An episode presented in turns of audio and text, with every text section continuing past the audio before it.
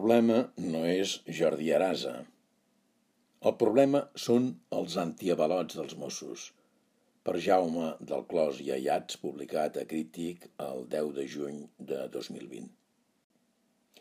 Nou anys i tretze dies després del desallotjament de plaça Catalunya, en el qual vaig resistir pacíficament, com tantes i tantes persones, ha sortit la sentència que condemna a Jordi Arasa per dos delictes de lesions a dos anys i quatre mesos de presó i a suspensió de feina i càrrec públic mentre duri la condemna. El dia on es va dir «Aniré fins on la llei em permeti més enllà» de Felip Puig.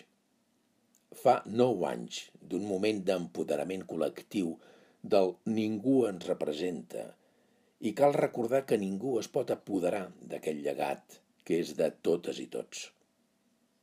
Han passat nou anys i tretze dies des que em van fer vuit punts de sutura al cap, llavi i colze, múltiples contusions i unes seqüeles emocionals que han durat massa. Nou anys i tretze dies del llarg camí de la querella col·lectiva Som 27M i la tenacitat de les advocades i advocats per tal que el procés judicial no s'arxivés i lluitar contra dilacions innecessàries que ha permès arribar fins avui i haver-nos sentit acompanyades. D'agraïment a totes aquelles persones que d'una manera o altra, ja sigui declarant, cobrint-ho mediàticament, acompanyant, empenyent el procés judicial i sobretot fent que no caigués en l'oblit. Gràcies. La presó no és solució. La sentència ha de servir per una reforma i un sistema de control de la policia en general i en concret dels Mossos d'Esquadra. Perquè el que va succeir no torni a passar.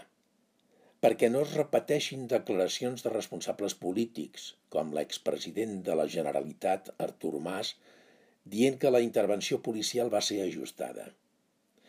Perquè un agent investigat per mala praxis en la seva feina no sigui ascendit en el càrrec l'administració i el govern català no poden seguir afavorint la impunitat ni encobrint cap impunitat. En el record, ara i sempre, totes aquelles persones víctimes de la brutalitat i dels muntatges policials.